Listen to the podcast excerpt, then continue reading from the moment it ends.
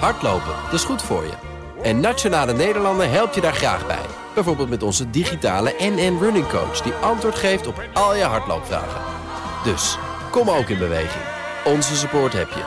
Kijk op nn.nl slash hardlopen. BNR Nieuwsradio. Boekenstein en de Wijk. Jan Postma. President Trump drukt op de reset-knop. De relatie met China gaat veranderen. Let's say China. China. China. China. China. China. China. China. China. China. China. I know China very well. China. China. China. China. China. China. I've been saying China. China. China. China. China. China. China. China. China. China. China. You take China. China. China. China. China. China. China. China. China. China. China. China now. China. China. You know, China. China, de verhouding tussen de twee grootste wereldmachten staat op scherp. Wat betekent dit voor ons in Europa? Welkom bij Boekenstein in de Wijk op zoek naar de nieuwe wereldorde. Met altijd scherp als een samurai zwaard. Arend Jan Boekenstein. Je ziet er echt heel scherp uit vandaag. Absoluut. Ja, toch? En uh, hij voelt zichzelf een beetje de, de keizer van de geopolitiek, Rob de Wijk. Dat was een keizerlijke lach die u daar hoorde. Ja. En onze gast natuurlijk, China... Dan ben ik benieuwd hoe je mij gaat aankondigen. ik wil zeggen gewoon China-deskundige, Fred Sengers. Nou, wat mager zeg. Nou, nou. ik wil eerst even een vraagje stellen aan uh, Arend Jan en Rob. Uh, Arend Jan, ben jij wel eens in China geweest? Nog nooit, een grote schande. Staat die op je lijstje? Absoluut. Dat moet nog gebeuren. En mijn dochter is er wel geweest, vind ik ook zo erg. Oké, okay, dus je kent, je kent de verhalen. Uh, Rob, jij moet er wel eens geweest ja, zijn, toch? absoluut, meerdere malen, ja. En uh, wat is jou het meeste bijgebleven van het land? Uh, dat ik eens een keer uh, voor een, uh, een hele groep Chinezen zat... die mij echt letterlijk de les begonnen te lezen over uh, hoe fout wij in Nederland waren... en hoe uh, fout wij in het Westen zijn. En dat het toch echt eens een keer noodzakelijk wordt dat al die historische aberraties waar wij ook een rol in hebben gespeeld, dat dat afgelopen is. En dat waren allemaal uh, hoofdmethoden uh, uit China. En dat gebeurde eigenlijk naar aanleiding van een bezoek uh, die de Dalai Lama had gebracht aan mijn instituut. En dat moest ik wel bezuren. Kijk, ik. Maar ik mocht, het opmerkelijk was, ik mocht China wel in. nou, dat scheelt dan alweer. Dit was eigenlijk ook een soort intro voor jou, Fred Sengers. Um, want jij bent natuurlijk degene die wel heel regelmatig in China te vinden is. En ja, wat ons de laatste tijd dan opvalt is natuurlijk dat Trump behoorlijk dreigend is naar, naar, naar China. Die zet ze echt neer als een, als een vijand. Hoe reageren ze daar in China op? Wat vinden ze daarvan? Nou ja, een beetje in verwarring eigenlijk. Want uh, de Chinezen hadden natuurlijk gedacht dat ze de lijn zouden kunnen voortzetten waar die bij Obama geëindigd was. En daar lijkt het vooralsnog niet op. Uh, Trump, ja, je zei het in je inleiding al, lijkt op de reset-knop te drukken. Stelt allerlei dingen ter discussie die eigenlijk al jarenlang staand beleid zijn. En ja, dat leidt toch wel tot enige verwarring in, uh, in de top in en China. hoe merk je dat dan? Staat dat dan in kranten of, of hoor je dat? Nee, je dat? kijk, uh, wat je tot nu toe eigenlijk ziet... is toen Trump in de periode dat hij al wel gekozen was... maar nog niet in het Witte Huis zat... toen ging er oekazen uit van laten we ons even op de vlakte houden... laten we ons niet uit de tent lokken... laten we even afwachten wat er nou precies gaat gebeuren. Ook al zei hij toen al een, en, en deed hij een aantal dingen... die in China niet goed gevallen zijn. en nu zit er. En uh, ja, nu zie je eigenlijk ook weer een afwachtende houding en een oekase aan de, aan de censuur. Van uh, uh, alleen officiële kopij over Trump mag daar de media in. Ja. Mag ik er iets over vragen? Want het interesseert me mateloos. Kan je wel in een Chinese krant op een opiniepagina, voor zover ze die hebben, dat weet ik niet eens. Kan je een soort geopolitieke analyse doen, waarbij je zegt: Trump biedt ook kansen voor China. Je zoekt een bijbaantje. Want we kunnen namelijk in, nu meer, misschien een ouvertuur naar Europa maken. Nou ja, even, even los van Europa. Ik denk dat we het daar nog wel uitgebreid over gaan hebben. Maar ik denk dat in China nu met name de gedachte overheerst van laten we nou maar eerst even afwachten wat hij precies gaat doen voordat we ons uh, in de boom laten jagen. Ja. Uh, want we hebben natuurlijk wel al het een wat schoten voor de boeg gehad. Taiwan bijvoorbeeld? Ja, precies. Dat telefoontje? Nou ja, ja, nou ja, dat is natuurlijk een hypergevoelig onderwerp in, in China. De, de hereniging met Taiwan is nog steeds beleidsprioriteit nummer één. Dus het feit dat, dat Trump het telefoontje van president Tsai Ing-wen van, van Taiwan heeft aangenomen, dat is al slecht gevallen. Hij heeft natuurlijk ook gezegd dat hij het één-China-beleid ter discussie wil stellen.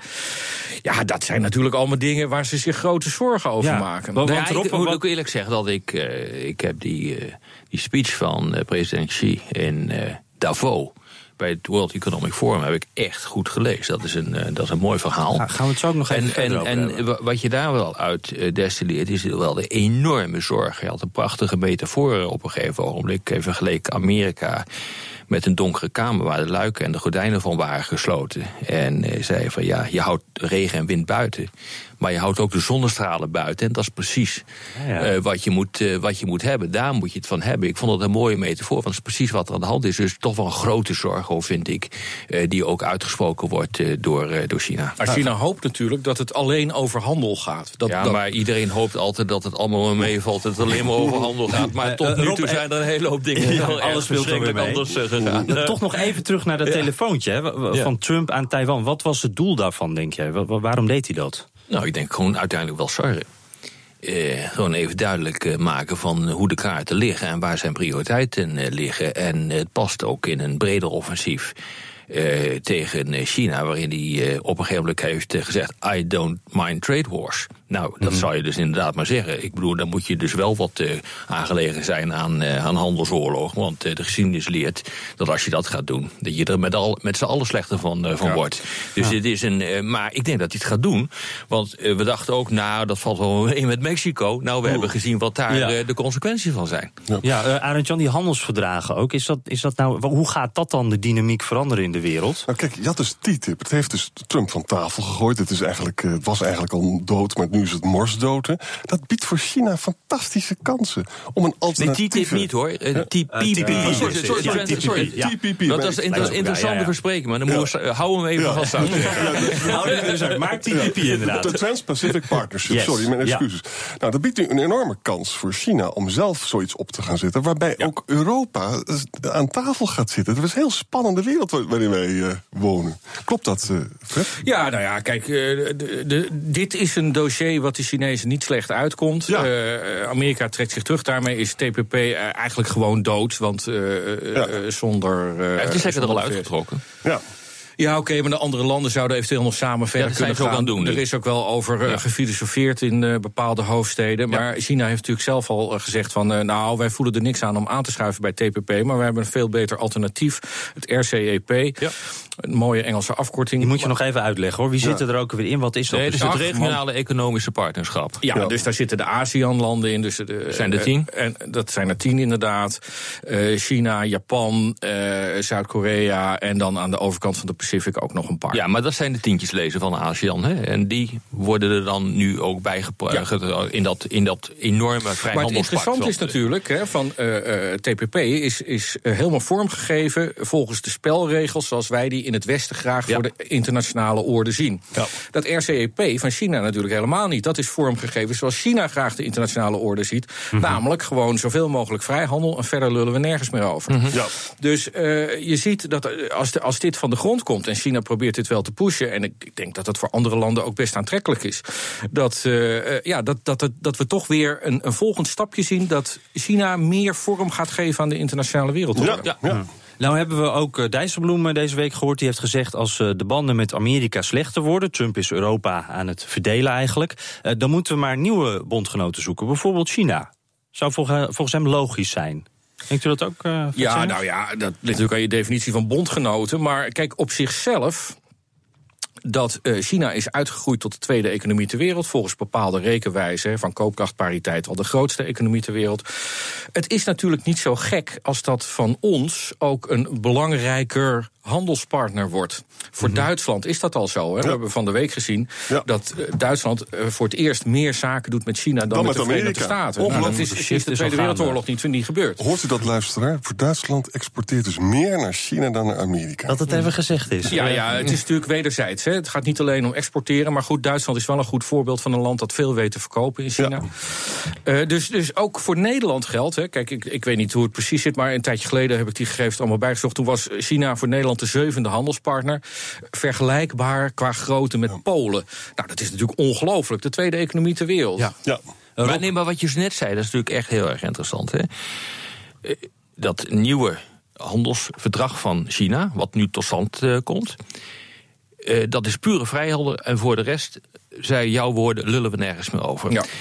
Als we inderdaad dus eh, gaan verschuiven naar China, dan gaat China de, de normen, de standaarden bepalen voor de handel. Ik moet nog zien wat er dan gebeurt in Nederland met al die protesteerders tegen TTIP, dat transatlantische handelspact, waarvan we zeiden.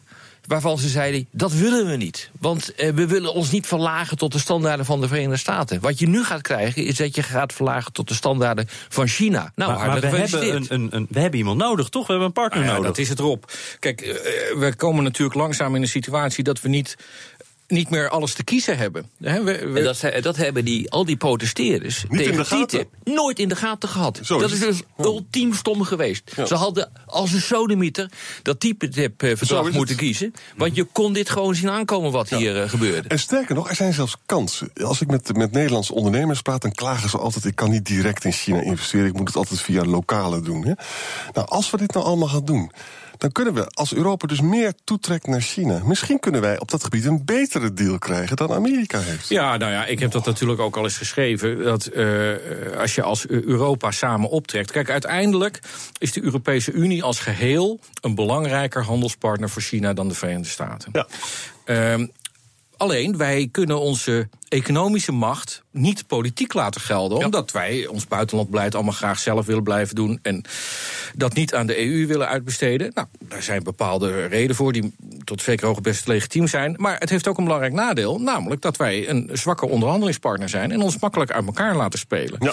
Nou, en als je dus op een gegeven moment zegt: ik wil niet de koopman zijn, maar ik vind mijn principes, mijn domineeschap, vind ik ook nog belangrijk. Dan zou ik zeggen: ga als de sodemieter via de, de EU onderhandelen met China. Want dan hebben we een krachtiger Ja, impact. maar op dat wat doen we gebeurt. natuurlijk ook in belangrijke mate. We hebben toch gemeenschappelijke handelspolitiek en dat, dat werkt in Europa wel. Rob, Rob, nog ja, even een... nee, maar eh, kijk, nee, maar een van de prioriteiten van, eh, van de Europese Unie is dat eh, een, eh, een allesomvattend verdrag over eh, in, in- investeringen in, eh, in, in China. Dat wordt, dat, wordt een, dat wordt een groot bedrag. Dat moet, uiteindelijk moet het uitmonden tot een uh, vrijhandelszone. Dus dat wordt al gedaan. Ik zou alleen nu zeggen, met, met Trump aan de macht en de verschuiving die nu aan de plaats te vinden is volle kracht vooruit. En probeer dit eh, inderdaad, het is al een prioriteit, maar probeer het zo snel mogelijk uit te onderhandelen. En, en wat je dan zou moeten doen, eigenlijk, is zelf als Europa de stekker uit TTIP. Hou het initiatief. En, ja, Ja. hou het initiatief. Nog even eh, kort voor de reclame, ook eh, even typische vraag voor jou, Rob. Militair strategisch. Kunnen Mm. we wat met China? Nou, dat doen we al. Gek genoeg eh, werken we met, eh, eh, met China samen bij, eh, de- bij de, E- bij de VN-operatie in Mali. Eh, die, die Chinezen zijn daarbij betrokken. Eh, volgens mij waren het zelfs de. Chinezen die eh, de Nederlandse compound of delen daarvan eh, aan het eh, beschermen waren. Nee, dus dat doen we al. En je ziet dus dat China eh, zijn militaire macht gebruikt. Nu ook om in VN-verband eh, aan allerlei vredesoperaties mee te gaan doen. En dat is wel nieuw hoor. Nee, dat is al jarenlang aan de gang. Kijk, er zijn op dit moment eh, eh, 18 VN-missies en China doet eraan 10 mee. Ja, nee, dat klopt wel. Maar het is. Oké, maar het is. Niet Alleen wat je natuurlijk ziet, en dat is wel een verschil, eh, daar doel jij misschien wel op.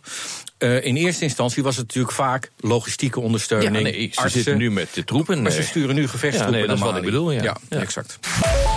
Ja, straks dan de nieuwe cheerleader van globalisering en vrijhandel heet China.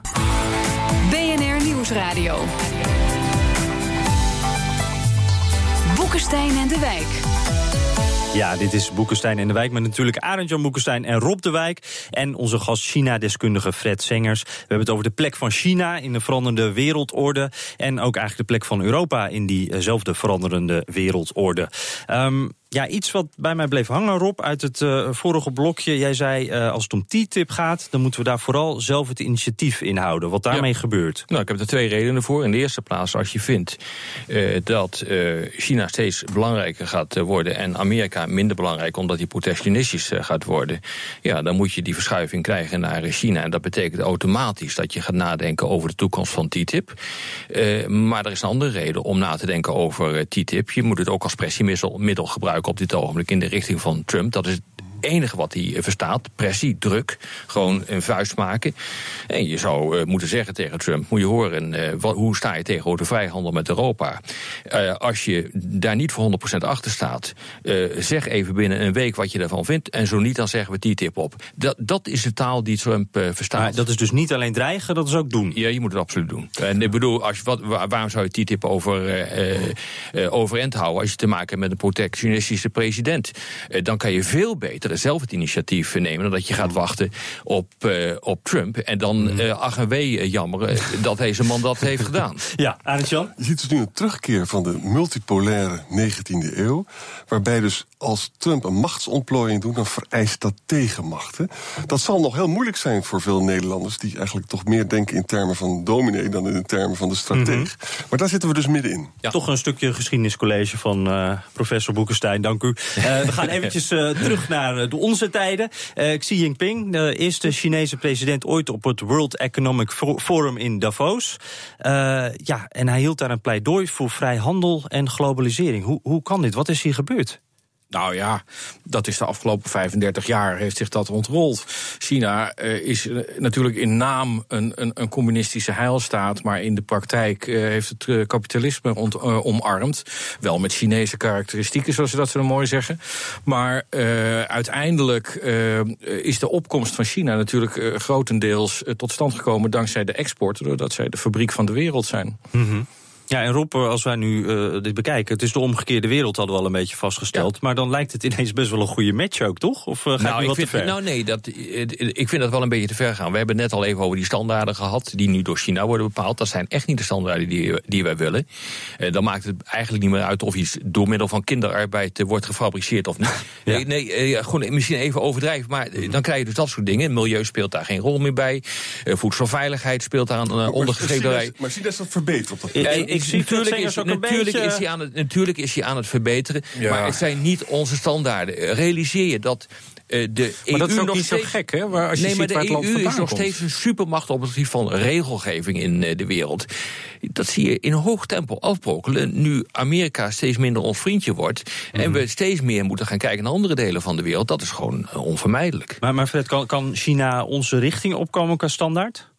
Ja, nou ja, op veel gebieden gebeurt dat natuurlijk al. Want Rob eh, hier schildert hier wel een beetje een karikatuur van, eh, van China. Kijk, zij, eh, natuurlijk heeft het milieu daar decennia lang geen enkele rol gespeeld. En, Maar ze de grootste vergroener van de wereld. en ze lopen nu het zelf tegen de grens aan. En ze beseffen heel goed dat daar wat aan moet veranderen. Voedselzekerheid is precies zo'n zo'n zo'n dossier... waar ze trouwens een hoop van Nederland zouden kunnen leren. Ehm, Ja, dus ze hebben onze standaarden nog niet, wil ik daar maar even eh, mee zeggen. Nee, nee, maar die, die, die beweging is er natuurlijk Tuurlijk. wel. Het, Oh maar ja, maar je, moet, je moet je realiseren waar dat land vandaan komt. Nee, dat begrijp ik In heel goed. 76 was het gewoon een ontwikkelingsland. En het is nu in bepaalde gebieden is het dat nog steeds. Alleen eh, in de steden, door de, de urbanisatie, daar is het de kwaliteit van leven verbeterd. En, en, en zijn honderden miljoenen Chinezen aan de armoede onttrokken. Hm. Wat een, een, eh, overigens een mooi socialistisch ideaal is, wat ze dan maar toch maar bereikt hebben. Ja. Eh, Ehm, Fred, wat ik me nog afvraag, wij hebben, wij hebben het er steeds over van eh, wat willen wij met China en willen wij wel, maar willen die Chinezen ons eigenlijk wel? Ja, ja, ja, dat denk ik wel. Want kijk, ten eerste gewoon als afzetmarkt. eh, we, eh, hoe je het ook went of keert, wij blijven natuurlijk een heel kapitaalkrachtig eh, deel van de wereld. Ehm, je ziet dan in China niet alleen meer rotzooimarkt, maar ook steeds meer hoogwaardige producten gaat leveren.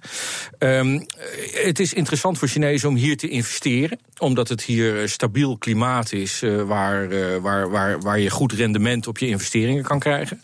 Eh, en uiteindelijk kunnen zij natuurlijk ook gewoon veel van onze know-how leren. Dus eh, we hadden het over voedselzekerheid. Maar wat bijvoorbeeld natuurlijk ook die Chinezen wel is opgevallen. Kijk, China is qua oppervlakte niet het grootste land ter wereld, maar ook niet het kleinste land ter wereld, zou ik maar zeggen. Maar daar kunnen ze, slagen ze er niet in om de eigen bevolking te voeden. Dus die, dat is allemaal voedselimport. En dan kijken ze naar Nederland, een van de kleinste landen ter wereld. En dat is de tweede exporteur van voedsel ter wereld. Dat vinden ze natuurlijk razend interessant. mooi. Ja, ja, ja. En Arend Jan, eh, eh, moeten wij als Europa dan misschien ook wat stoppen met het corrigerende vingertje? We hebben het nu altijd over mensenrechten, over milieu. Maar als wij die Chinezen echt nodig hebben. Nou, laat ik proberen een deftig antwoord te geven.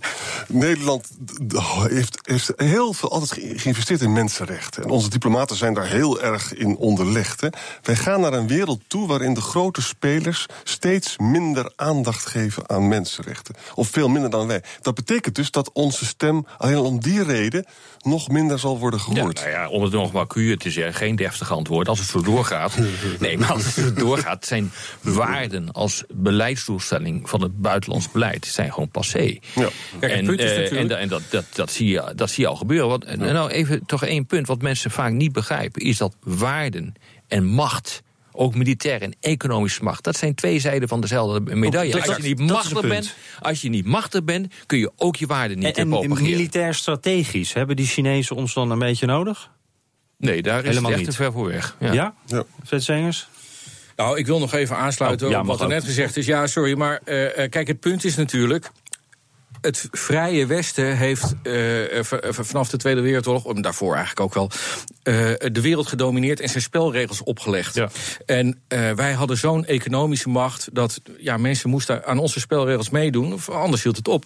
Nou, die wereld is aan het veranderen. Zo is het. En eh, ja, dat betekent toch dat wij ook eh, wat dat betreft ons beleid moeten herijken. En eh, ja, moeten leren dat, eh, dat, dat andere landen niet per definitie zomaar doen wat wij zeggen. Maar een prachtig voorbeeld is de Zuid-Chinese Zee. Ja. Hè, daar eh, zijn de eh, Chinezen bezig, die hebben daar een claim op. Eh, vervolgens gaat, eh, gaan de Filipijnen die gaan naar Den Haag. Die gaan naar het permanente hof van arbitrage. Dat zegt van, eh, dat kan toch niet wat die Chinezen aan het doen zijn.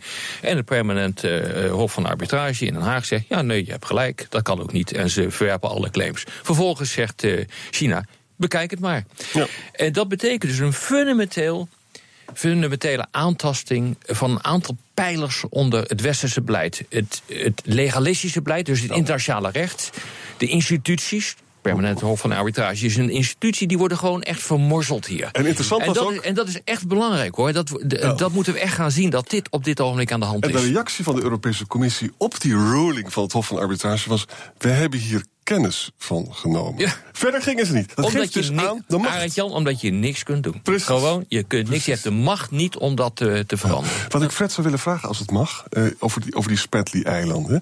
Chinese buitenlandse heeft een horizon van 100 jaar, misschien nog wel meer. Dat is heel anders dan bij ons. Hè. Dus het zijn ook, als je naar de, naar de vorige eeuw kijkt, dat zijn geen oorlogvoerders. Dat is een heel andere manier. Wat ik toch eng vind, is die Spratly-eilanden. Ik hoor verhalen dat de Amerikaanse schepen patrouilleren daar. Hè. Obama probeerde een oorlog tussen Japan, bondgenoot van Amerika, en, en, en China eh, te voorkomen. Eén ding, Is Arend Jan, waarom maak je je daar zo druk om? Voor mij zijn dat een paar eilandjes heel veel. Nou, simpelweg omdat het denkbaar is als Trump dat niet handig doet. Dat er toch een militair eh, conflict kan komen tussen Ja? Japan en China. kans is vrij groot, hoor ik, zegt Rob. Nou ja, ja? kijk, dit is natuurlijk wel eh, een van de eh, vaten buskruid in de wereld op dit Ja. moment. En, en, en als daar bedoeld of onbedoeld een crisis ontstaat, dan zal dat gevolg hebben voor de wereldeconomie. Om de simpele reden dat eh 40% van alle goederen in de wereld die gaan door de Zuid-Chinese Zee heen. Ja. Eh, dus dat gaan we allemaal merken. Dus eh, je hoopt altijd bij dit soort dingen dat iedereen eh, het hoofd koel houdt en zijn verstand gebruikt. En Chinezen zelf, hè, premier Li Keqiang heeft wel eens gezegd: wij kunnen de komende 30 jaar eigenlijk geen oorlog veroorloven Ja. op ons groeipad. Maar je moet ze natuurlijk niet onbeperkt blijven uitdagen. Zo'n zo'n Rex Tillerson, die dan, eh, dus de nieuwe minister van Buitenlandse Zaken in de Verenigde Staten, die dan bij zo'n hearing zegt van de Chinezen moeten ophouden daar met bouwen en wij gaan voorkomen dat ze daar toegang eh, krijgen. Nou ja, dat is gewoon Dat is een oorlogsverklaring. bijna een oorlogsverklaring. Ja. Ja. En, en, en waar- want we weten hoe, hoe wisselvallig Trump kan zijn. Hoe, hoe, zal, zo, eh, hoe zal China dan reageren? Ja, nee, maar in dit geval wilsgevallig. Hier, hij is hier wel er, akelig consistent hoor. In zijn, eh, in zijn Heel eh, consistent, anti-China ja. In nou ja, Nou, in zijn retoriek in ieder geval. Ja, Eh, maar- maar als we in naar de daden. benoemingen kijken, dan zie je natuurlijk twee kanten eigenlijk. Hè, want we zien een aantal haviken wat China betreft eh, in zijn eh, entourage. Maar hij benoemt ook Terry Branstad als ambassadeur. Ja, dat is dan weer een vriend van China. Dus Ja. mm, ik weet het niet precies. Toch een beetje. Uh, Arend Jan, nog één ding wil je zeggen? Of? Nou ja, ik ben heel benieuwd hoe dit gaat. Ik vind, wat ik eng vind, dat zowel de Chinese als Japanse kant ongelooflijk opgehitst wordt. Hè? En dat, dat, Ja. dat moet wel beheerst worden. Dat is een beetje 19e Ja, nou ja, je benoemt daar een heel goed probleem. Er wordt natuurlijk uit het oogpunt van binnenlandse politiek... wordt nationalisme en patriotisme Ja, enorm eh, enorm opgejaagd. En Ja. dat verkleint natuurlijk de manoeuvreerruimte van die leiders. Exact, exact. Kijk, laten we dat punt toch nog even gemaakt hebben. Van! Ik ging deze week weer uit uh, pure frustratie een dure televisie door het raam van Arend Jan Boekenstein. Dat gebeurt nog alles. Uh, is die eigenlijk made in China, die uh, tv van jou, weet je dat? Nee, oh, uit, uit Zuid-Korea geloof ik. Oh, doe maar duur. Maar is die misschien toch in China gemaakt? Oh, ja. dat zou kunnen. Wat is jouw frustratie deze week? Waarom gooide jij nu weer een flatscreen door het raam? Nou, weet je, er bestaat een academische discipline die heet psychologie. Hè, en die, uh, die kennen is, we, ja. is een beetje in opspraak geraakt. Uh, niet alleen door die gestapel, maar later bleek ook dat heel veel onderzoek van de sociaal psychologen niet meer reproduceerbaar was. Dat is nogal pijnlijk, vond ik. Hè. Ja. Ik durf het nu wel te zeggen, want mijn vader was sociaal psycholoog, maar hij is gelukkig. Uh, hij, je hoort het niet meer? Die, die, die, die hoort het niet meer, okay, dus ik ja. durf het te maar, zeggen. Maar wat is je frustratie? Maar punt, moet je voorstellen, als je dus wil vaststellen of iemand narcist is, dan is het een van de vereisten is dat je iemand langdurig onderzoekt doordat je hem ziet. Maar nee, dit was gelijk Wordt dit pijnlijk voor een van ons? Of Nee, helemaal niet. Rob is geen psycholoog. maar maar jij hebt het ja. natuurlijk over... Over Trump. Hè? Ja. Er stond een prachtig artikel van... Uh, he may be bad, but he's not mad. En jij zegt dus eigenlijk die psychologen... joh, ga nou niet van afstand allemaal een beetje je mening vormen over hem. Het, het kan best waar zijn dat het een narcist is... maar ik heb veel liever... Dat, we bereiken er allemaal niks mee. Laten we analyseren waar die man mee bezig is. Oh, dat is wel tamelijk lastig uh, met, uh, met de consistentie... die, die op zeer weinig terreinen uh, tentoonspreekt. Daar hoef je dan weer geen psycholoog voor te zijn. Dit was uh, Boekenstein in de Wijk. Uh, dank aan onze gast Fred Senger, China-deskundige. Al zijn verhalen trouwens ook te lezen op blogaap.nl. Luister ook de podcast terug. Dat kan via iTunes en via Spotify. En ja, hoe de wereld er volgende week ook uitziet... misschien spreken we dan wel allemaal Chinees. Wij zijn er in ieder geval weer. Dank voor het luisteren.